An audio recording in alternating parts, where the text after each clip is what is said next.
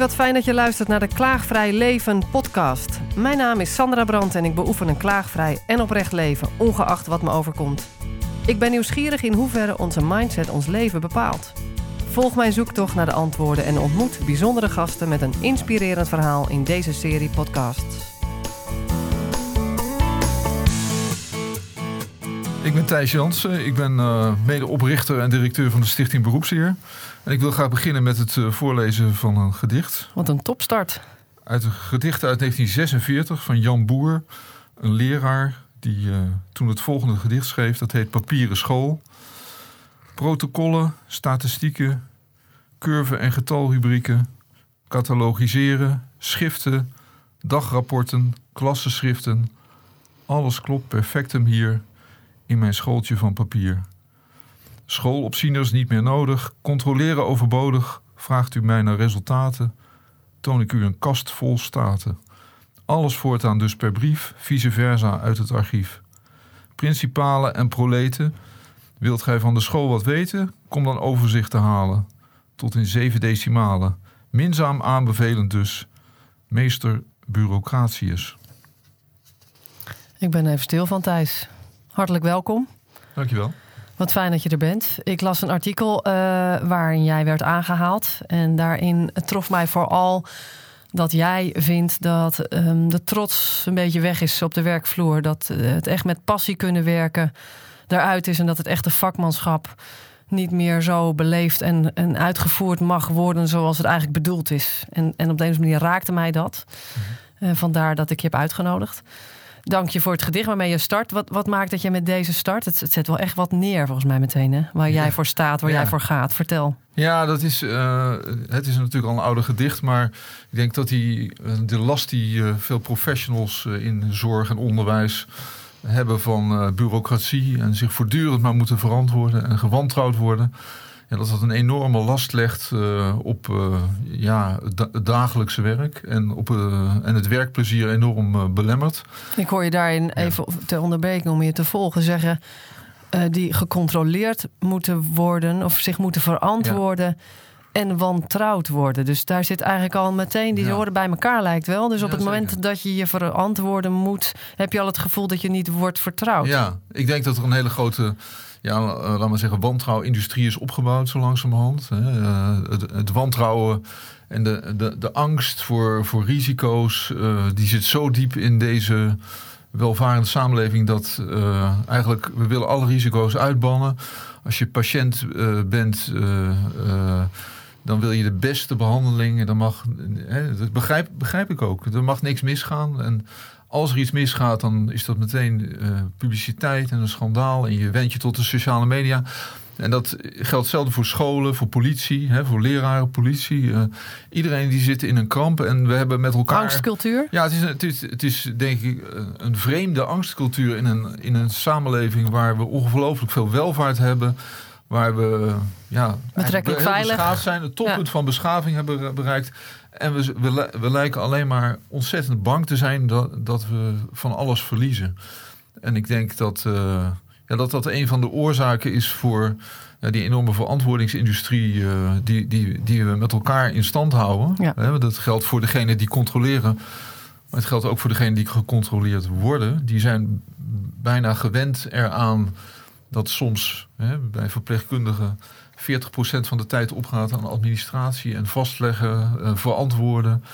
Uh, Ik geloof dat van de artsentijd 15% wordt besteed aan werkelijk patiëntencontact. Nou, dat is uh, naar mijn inschatting heel weinig, maar het is inderdaad schrikbarend. Hè, dat, hoe, hoeveel percentage artsen en leraren, hè, professionals gewoon nog besteden aan hun echte werk. Ja.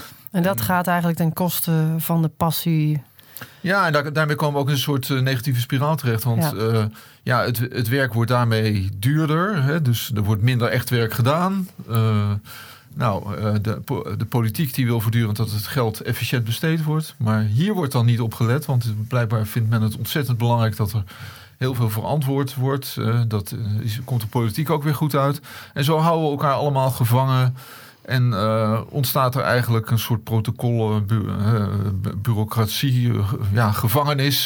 ja, we zitten in de klem. We niet meer, waar, we zelf, waar we niet meer uitkomen. En, Hoe komen we uit die klem? Nou, dat is dus mijn missie. Daar, daarom heb ik ook die Stichting Beroepsheer opgericht. En ik, het is eigenlijk ooit begonnen in 2005 toen ik verrast was en ook ja, geïntrigeerd was door uh, de klachten die professionals hierover hadden. Hè. Dus ze, ze, kla ze, klaagden over managementlagen en dat ze niet meer toekwamen aan hun echte werk. Um, en uh, ik heb toen het boek gemaakt Beroepszeer, waarom Nederland niet goed werkt, samen met Gabriel van der Brink en Dorien Pessers. En daar hebben we dat sentiment uh, ja, eigenlijk verwoord. En uh, ook in, in, taal gevangen. Hè, met bijvoorbeeld filosoof Ad Verbrugge. Um, ja, die een heel goed artikel schreef destijds. En, uh, je hebt op nou, die manier een stem gegeven aan ja, de mensen die daar tegenaan liepen. Aan, de, aan het onbehagen wat, wat er was. En het gevoel van vervreemding wat er was. En uh, dat was zo'n succes. Binnen een half jaar vier drukken. En uh, je, je, kon overal lezen dat mensen het artikel van Ad Verbrugge meenamen naar hun werk. En ophingen. Bij heel veel herkenning hoor ik. Heel veel herkenning. En toen hebben wij, eh, heb ik samen met Alexandrien van der Burg, met wie ik de stichting heb opgericht, uh, een conferentie georganiseerd. En daar kwamen uh, honderden mensen uh, op af die allemaal dit herkenden. Ja. Maar ook politieagenten in uniform. Hè, ja. Ook managers die ook zeiden van ja, zo kan het niet meer. En ja, toen lag de levensgrote vraag op tafel: wat moet je er dan aan doen? En dat is iets wat mij de afgelopen uh, jaren sinds eh, de start, dus al ja, 13 jaar bezighoudt. Uh, en daar hebben we ja, allerlei mogelijkheden voor ontwikkeld, zeg maar. Dus ik ben doorgegaan met het maken van boeken. Ik uh, heb in 2009 een boek gemaakt, het Beroepstrots, waar ik verkend heb wat, wat zou je eraan kunnen doen. En ja. hoe ziet beroepstrots eruit? Wat is dat eigenlijk? En wanneer ben je dat? En waar hangt dat vanaf? Mooie insteek ook, de positieve insteek van wat, ja. wat wil je wel, hoe wil je voelen eigenlijk? Trots, ja, trots op wat je doet. Ja. En, ik en merkte, daar de ruimte voor krijgen. En ik merkte dat uh, in mijn lezingen dat heel veel professionals um, ja, op een vreemde manier uh, um, ja, gehecht waren aan het klagen.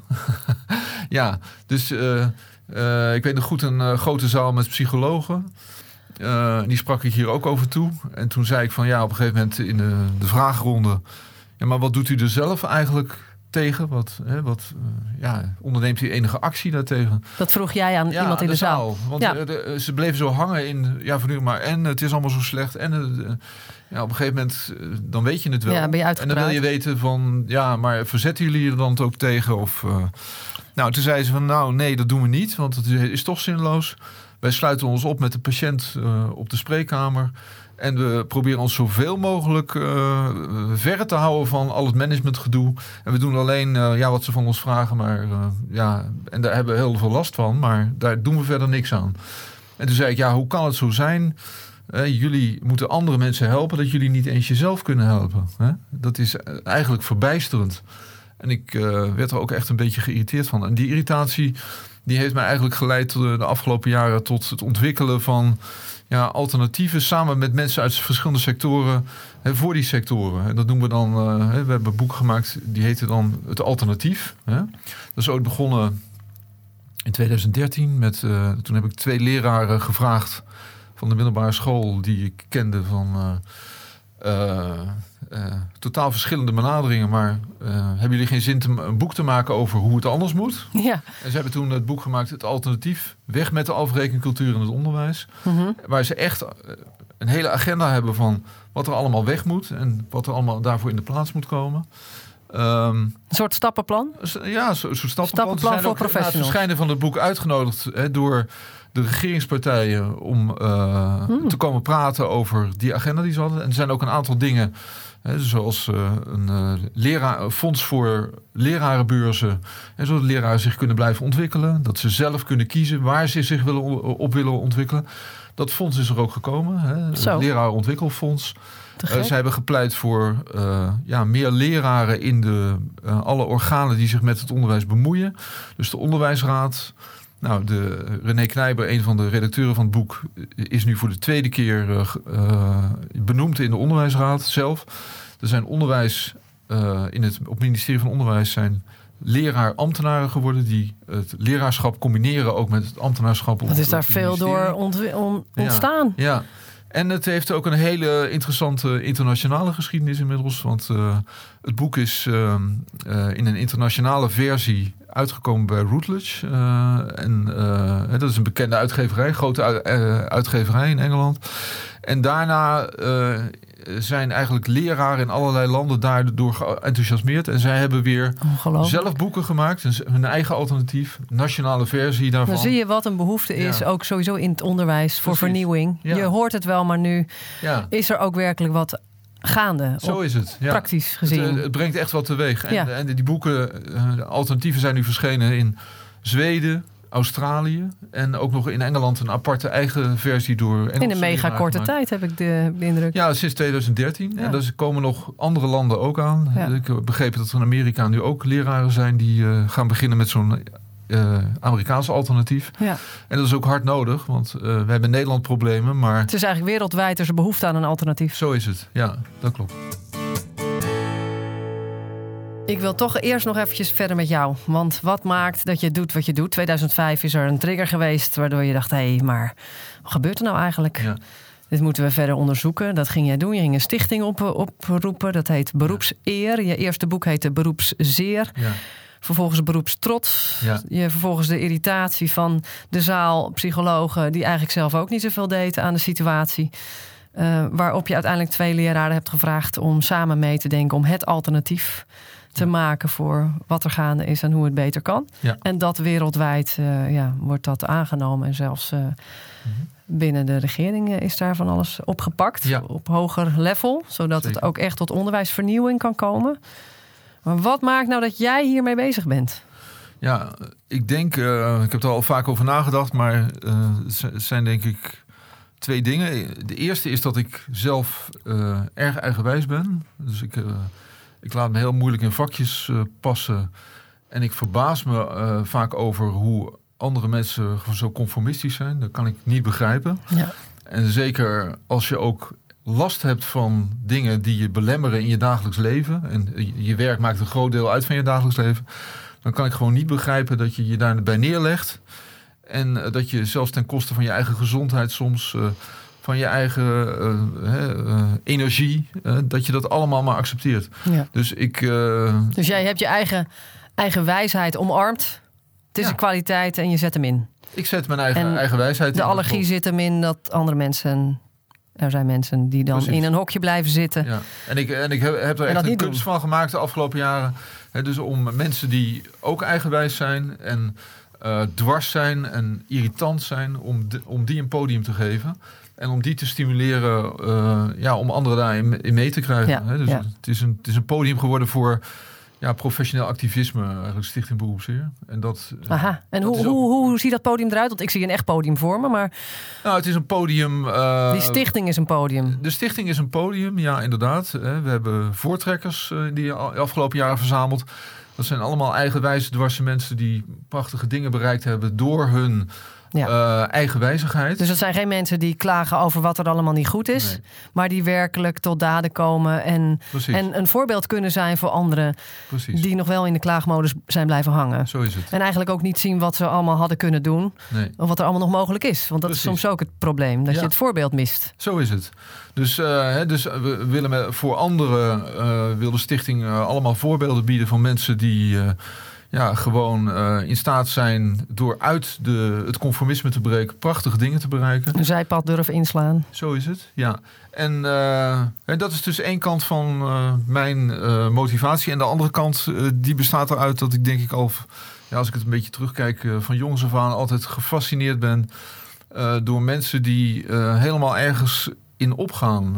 ergens ja, en dit, ergens in opgaan, uh, uh, door geobsedeerd zijn en geprobeerd uh, proberen daarin, uh, ja, daarin iets te, daarmee iets te bereiken. Bedoel je ook in flow je werk kunnen doen? Een vakman bedoel je? Vakvrouw? als kind weet ik nog, ik was een fervente ja, puzzelaar, gewoon legpuzzels.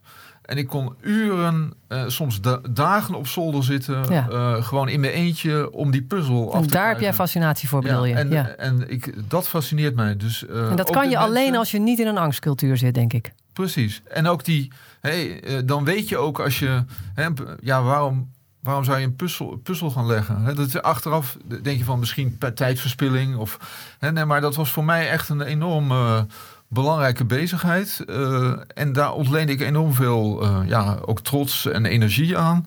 Als het dan uiteindelijk gelukt was. En ik weet nog, hè, dan had je van die puzzels waar met grasvelden. Nou, alle stukjes lezen leken op elkaar. En dat was de enige mogelijkheid dat je zeg maar, alle stukjes die groen waren, die probeerde je dan iedere keer weer op die plek tot je het had. Want je kon het niet zien. Of je kon het bijna niet zien. En dat is niet meer van deze tijd, hè? Dat is niet meer van deze tijd. Nee, maar naarmate je meer puzzels legde, kreeg je natuurlijk wel, zeg maar, ook een scherp oog voor ja, ja, hè, Wat, past ergens en voor patronen. En Krijgt er wel weer zin in trouwens om zo'n puzzel een keer te doen. doe je het nog trouwens, of niet? Rustgevend. Nee, ik doe het niet meer. Oh. Nee, nee, zeker niet. Nee, dat is echt uh, uit mijn. Maar daar, daardoor heb ik wel uh, nog steeds een fascinatie voor mensen die zo met zoveel geduld hmm. uh, in staat zijn langere tijd te maken. Langere tijd achter elkaar zonder eigenlijk te bedenken waarom doe ik dit? Is het niet Precies. verspilling van tijd? Ja. Maar gewoon die fascinatie voor hoe dat Precies. werkt. En ik hoorde gisteren ook hè, uh, het programma op Radio 4, Lex Bolmeijer en Passaggio die fietst nu zeg maar de, het Mozart-pad. Dus en hij was gisteren dan ging hij binnen bij een winkel waar ze uh, blaasinstrumenten maakten. Nou, die, die, die meneer die was echt een ambasman. En die speelde zelf ook horen, geloof ik. En mhm. eh, hij vertelde ook van... ja, ik maak instrumenten voor uh, blazers in de Berliner Philharmoniker. Hè, of ik repareer ze. En hij zei ook van ja... Uh, soms moet ik oude instrumenten repareren en dan weet ik ook niet of het gaat lukken. Hè? maar uh, dat vind ik fascinerend en dan besteed ik al mijn tijd aan. Hè? Het kan me niet schelen wat ik ermee verdien, maar nou ja, dit, dit is precies waar ik uh, ja, uitermate door gefascineerd ben. En, uh, Wat is dat wat jij doet waarbij je merkt, ja, nu, heb, nou zit ik ook in zo'n flow, in zo'n... Nou, dat, met, wat is dat? Dat is wanneer Waar ga jij helemaal in op? Nou, er zijn, uh, in ieder geval het belangrijkste waar ik in opga is uh, zo'n boek maken. Ja. Zo, hè, een boek maken over een sector die echt iets teweeg brengt in een sector. Hè. Dus ja. dat is mijn kunstje geworden zeg maar, nadenken over wat is er aan de hand in de sector. Samenwerken met mensen die net kunnen kijken verder dan zeg maar, wat er aan de hand is. Om te zien van hoe het anders zou kunnen en moeten. Zonder dat het elastiek te ver uh, uitgetrokken wordt. Ja, je bedoelt dat het te ver van, de bed, van het bed wordt? Ja, dat mensen denken van ja, dat is allemaal mooi, uh, mooie blauwdruk voor maar, zou kunnen, maar daar hebben we niks mee. Nee, een boek waar, wat ingaat van ja, dit is er aan de hand. Maar als we het nou zo gaan doen, dan zou het zoveel beter gaan. Ja. En dat heb ik de afgelopen jaren ik heb een alternatief voor de zorg geschreven samen met Jos de Blok. Uh, ontzettend spannend om zo'n boek te maken. Hè, met een echt een zorgvernieuwer. En ook met een huisarts en radioloog die, uh, samen. Ik heb een boek gemaakt over artikel 5 over uh, accountants. Hè, wat nu ook gebruikt, overhandigd wordt aan alle afstuderende accountants. Dat zijn er honderden per jaar. En die krijgen het mee als inwijdingscadeau, zeg maar. Hè, en dat is een boek weer, vertel. Dat is een boek wat gaat over ja, wat is de beroepseer van de accountant? En uh, hoe, hoe heeft het zo kunnen lopen dat veel accountants die beroepseer kwijt zijn geraakt? En wat is er voor nodig om die beroepseer weer terug te krijgen? En ook met mooie verhalen. Noem eens een voorbeeld. Wat is er voor nodig om die beroepseer bij die accountants terug te krijgen? Nou, daar is, daar is voor nodig dat uh, ze veel bewuster weer worden van hun maatschappelijke taken. Jaarrekening controleren of uh, mm -hmm. werk doen, administratief werk voor grote bedrijven. En hun helpen bij de verantwoording. Dat is niet een taak die je doet uh, voor dat bedrijf, maar die doe je, dat doe je voor de samenleving. He, wij mhm. willen graag uh, eerlijke bedrijven die maatschappelijke verantwoording afleggen uh, over hun financiën. Want er gaan grote bedragen in om. Ze hebben veel, veel verantwoordelijkheid.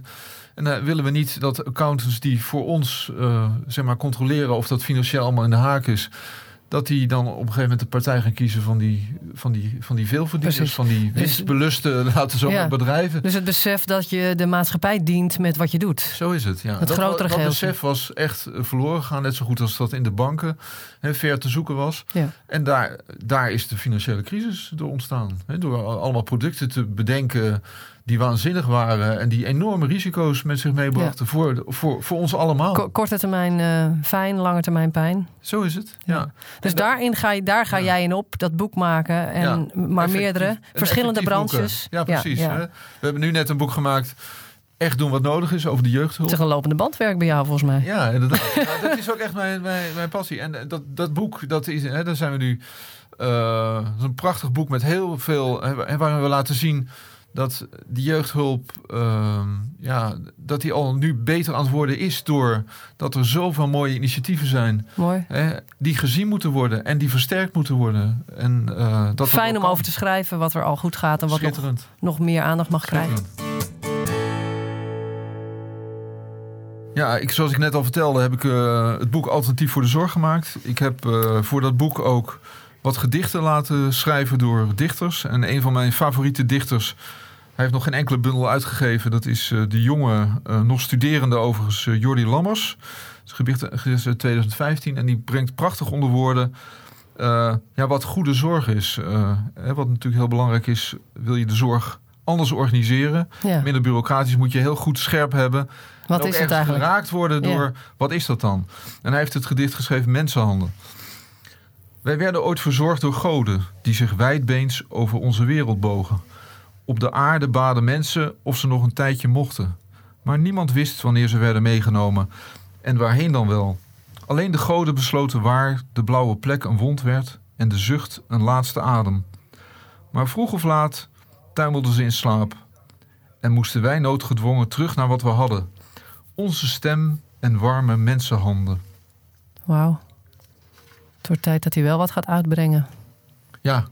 Wat prachtig. Altijd ontroerende, ontroerende Zeker ontroerend, ja. Ja, zijn het. Ja. Dus vroeger uh, lag het in ja, de handen van allemaal in God, boven hè? menselijke zaken. Precies, en uh, hè, onze, onze, het geloof dat, dat je naast de liefde moest plegen, hè, dat, uh, dat was ook ingebed in ja, een, uh, een christelijk geloof. En dat je naar de kerk ging en priesters, dominees, een, he een hele institutie uh, die er natuurlijk ook veel verkeerd uh, heeft gedaan. Maar uh, ook veel de keerzijde, of de goede keerzijde was natuurlijk dat het, de kerk ook een moraal in stand hield. Hè. Een moraal. Hè. De katholieke kerk heeft ook heel veel ziekenhuizen en scholen opgericht. Ja. Heel veel particulier initiatief, ook in Nederland nog steeds, ja. komt uit die stromingen voort. Mm -hmm. En het is natuurlijk in tegen, tegen, tegenwoordig echt de vraag. wat, he, wat kunnen wij nog um, aan moraal, dus echt aan deugden, aan verinnerlijkte moraal, mm -hmm. fatsoen. Uh, hè, wat, uh, wat kunnen we nog inbrengen tegen die grote krachten van geld en bureaucratie? Mm -hmm.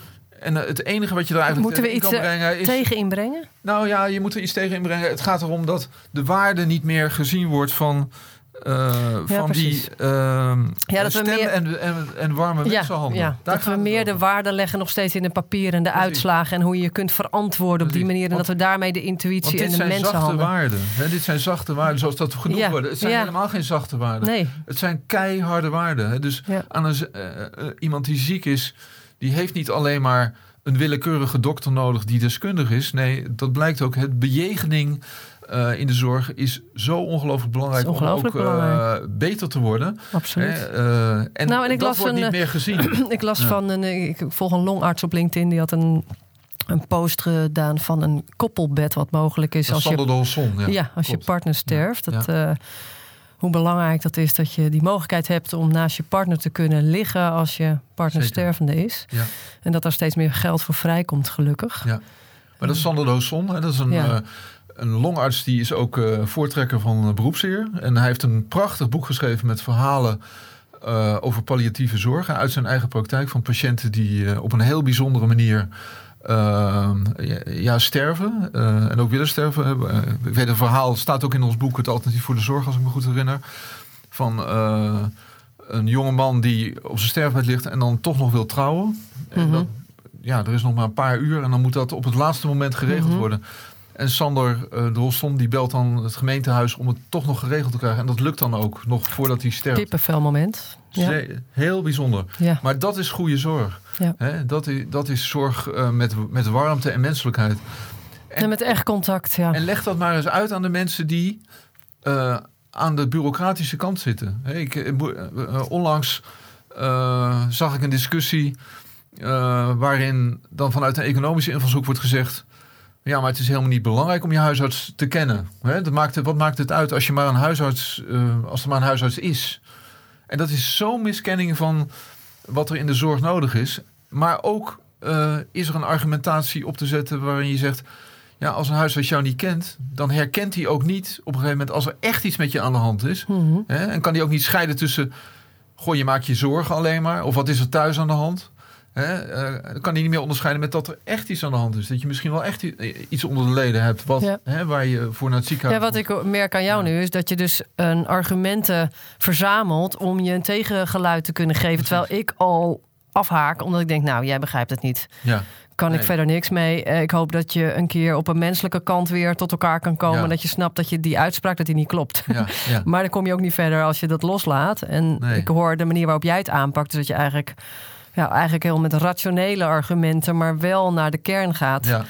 Het is emotie en het is, het Precies, is ratio. En die moet je combineren. Ja, precies. Omdat je die anderen die alleen maar vanuit de ratio Ja. redeneren, die, die zijn niet meer ontvankelijk op een Nee. bepaalde manier. En daar gaat ook dat gedicht over. Die moet je ergens zien te raken. Maar blijkbaar is dat jouw Ja. kwaliteit. En daarom kan jij die boeken goed schrijven. Dat je juist die emotionele menselijke kant in woorden kunt vatten. Zodat je de meest rationeel gerichte mensen ook kunt bereiken. Ja, nou ja, een deel daarvan. Hè? Want sommige mensen zijn heel moeilijk bereikbaar. Hè? Ja. Die zitten zo in dat stramien. En het lijkt wel of ze zeg maar totaal hun emoties hebben uitgeschakeld. En dat vind ik ook echt gevaarlijk. Ja, ja, zeker. Dat is echt ja. eng. Ja. Ja, dus eh, dat is ook wel een. eh, het is ook soms echt een, een strijd tegen wat ik dan maar noem. eh, ja, de totaal vervreemde mensen. Mhm. die vaak ook nog op machtsposities zitten. Eh, en in die zin is beroepsheer ook, eh, hebben we het net over activisme, ook echt een machtsstrijd. Het is, een- het is een machtsstrijd. Het is niet een, een strijd die je met alleen maar vriendelijke middelen Nee, eh, ik. gaat winnen. Nee. En je moet ook Je moet echt duidelijk. maken. Ja, precies. Je moet macht verzamelen. Eh, en dan eh, is er misschien een kans dat. Hoeveel eh, mensen werken daar nu voor? Want je verzamelt macht, maar ook door de juiste mensen daarvoor Ja. te betrekken. Een flinke groep te maken. Dus, eh, dus we- we voortrekkers. hebben voor die voortrekkers. Ja. Dat is nu ongelooflijk een, groep van iets van 25 eh, mensen. We hebben, ik heb een paar jaar geleden, dat is nu twee jaar geleden denk ik, een alternatieve kabinet opgericht. Eh, dat is, eh, het wordt voorgezeten door Jos de Blok van Buurtzorg. Maar daar zitten mensen in die eh, inderdaad vernieuwend denken. Ja. hebben laten zien dat ze dingen kunnen veranderen. En met die groep probeer ik nu ja, een vuist te maken. Zodat we ge- zoveel gezag gaan krijgen. dat de politiek ook naar ons gaat luisteren. Ja. Hè, dat, dat er veel meer aandacht moet komen voor al die goede initiatieven die er nu al zijn in allerlei sectoren. En dat die gestimuleerd moeten worden. En dat die een steun in de rug moeten krijgen. Ja. En dat we moeten ophouden met alleen maar rationeel te kijken naar van ja, iedereen moet een gelijke kans krijgen. Iedereen moet eh, zeg maar, maar de concurrentie met elkaar aangaan en de sterkste moet maar winnen. Nee, het gaat Holle taal eigenlijk. de beste, hè, degene die de beste zorg leveren, hè, degene die het beste onderwijs geven, die moet je stimuleren. En dan moet je, moet je gewoon ook durven kijken naar En ook is laten zien wat ze dan doen. wat is dan goed het? Ja, als wat is voorbeeld. zorg? En de rest ook een steun bieden om daar ook te komen. Dan. Ja, en kap met de rest. Kap gewoon met alleen maar le- eh, organisaties die letten op geld, op eh, targets en eh, op. eh, Dus kap met het voeden van de angstcultuur. Zo is het. En ja. ga meer naar de groei, mindset. Maar en daar is ook een elkaar. geestelijke sprong voor nodig. Hè, het is niet alleen maar eh, eh, iets wat je. eh, een, een beslissing die je rationeel kan nemen. Want om van angst af te komen, moet je ophouden bang te zijn. Ja, Dat is bijna niet mogelijk, hè? Nee, Nee. Dat, dat kan je niet uitleggen. Ik denk alleen dat het gaat gebeuren eh, wanneer de groep van mensen groot genoeg wordt, Ja. die gewoon laat zien dat angst nergens voor nodig is. Nee. En die gewoon stappen zet. Nou, en de focus even om het nu, want jij zit echt goed op macroniveau. Ik vind het echt super knap wat je doet. Even terug naar microniveau, naar eh, mensen, nou ja, ook zoals jij en ik. Meer als je van die angstcultuur af wil in je dagelijks leven, dat je meer richt op het intermenselijke contact en Ja. op het hier en nu. Zeker. En daarin bent meer. Ja, precies. Ja. Dat klopt. Ja, we hadden het net over die angstcultuur die er bestaat. En eh, ik bedacht eh, en bedenk me al jarenlang dat het eh, de enige manier waarop je van die angstcultuur kan afkomen is doordat je een soort sprong in het diepe maakt. Hè? Ja. Een geloof hebt dat het ook anders kan. En, Mooi. ehm, En gewoon daar- durft en en doet. gedo- durft om te doen. En daar, daarvoor moet je je ook bevrijden van eh, allerlei starre eh, ideeën. Hè. Bijvoorbeeld het idee, hè, wat ik dan onlangs te- tegenkwam in een gesprek met iemand. eh, die zei van ja, het is allemaal leuk wat jullie doen. Hè. Al die aandacht voor mooie initiatieven. Ehm, Maar en, maar ehm, eh, gaat dat nou echt iets veranderen? En toen zei ik ook van ja, maar het gaat er niet om dat ik probeer in één klap iets te veranderen. Die grote klap die komt niet. Hè? Maar het is meer zo dat wat wij doen al jarenlang, dat zijn allerlei uh, gloeiende kooltjes uh, aanblazen en dan zal er op een gegeven moment een vuur ontstaan. Ja. Dat is de bedoeling. Dus ik hoor jou zeggen, als je eigenlijk uit die angstcultuur wil stappen, moet je ook in het diepe durven stappen. Waarbij je even loskomt van die starre gedachten zoals, en dat vul ik nu aan, het is pas goed als het lukt. Zo is bijvoorbeeld. Het. Dat is een hele belangrijke, ja. En je moet ook geloven, en daarover uh, wil ik dan graag mijn laatste gedicht voorlezen. Hè? Ja, graag. Je moet geloven in wonderen. Hè? Mooi. In wonderen. He, dus, uh. Hoe, hoe, ik, hoe ik ook werk is ik laat uh, de opbouw van de stichting in hele sterke mate bepalen door toevallige ontmoetingen. Soms ontmoet ik mensen in de trein. En die uh, zijn nu, uh, behoren nu bij beroepsheer en spelen daar een belangrijke rol in. En zoals mijn ontmoeting met jou ook. Jij hebt mij gebeld. Hè? Uh, ik sta volledig open voor ja, de wonderen die zich voordoen. Mooi. En kijk wat daar de waarde van is. En daar gaat mijn laatste gedicht over. Dankjewel Thijs. Kom maar op. Van uh, Zimborska, de prachtige dichteres Zimborska. Uh, de Wonderkermis heet dat. Een alledaags wonder. Dat er veel alledaagse wonderen gebeuren. Een gewoon wonder. Onzichtbare honden, blaffend in de nachtelijke stilte. Een wonder zoals er vele zijn. Een wolkje dat, hoewel luchtig en klein, toch de grote zware maan afschermt. Enige wonderen tegelijk. Een els die in het water wordt weerspiegeld en daarbij van links naar rechts is gedraaid. En daarbij met zijn kruin omlaag groeit en de bodem nooit haalt hoewel het water ondiep is. Een wonder dat aan de orde van de dag is. Zwakke tot matige wind, rukwinden bij onweer. Een lukraak gekozen wonder. Koeien zijn koeien. Nog één, niet slechter. Deze en geen andere boomgaard, uit deze en geen andere pit. Een wonder zonder rok en hoge hoed. Witte druiven die uitzwermen. Een wonder, want wat is het anders? De zon ging vandaag op om drie uur veertien en zal ondergaan om 20 uur 1. Een wonder dat minder verwonderd dan zou moeten. De hand telt inderdaad minder dan zes vingers, maar wel meer dan vier. Een wonder, kijk maar om je heen. De alomtegenwoordige wereld. Een extra wonder, zoals alles extra is. Wat ondenkbaar is, is denkbaar. Dankjewel Thijs. Een wonder wat minder verwonderd dan dat was een mooi zinnetje. Een wonder dat minder verwonderd dan, dan zou, moeten. moeten. De hand telt inderdaad minder dan zes vingers, maar wel meer dan vier. Prachtig. Ik wil het hierbij afronden gewoon. Het is te mooi om nog door te praten. Dankjewel Thijs. Heel bedankt.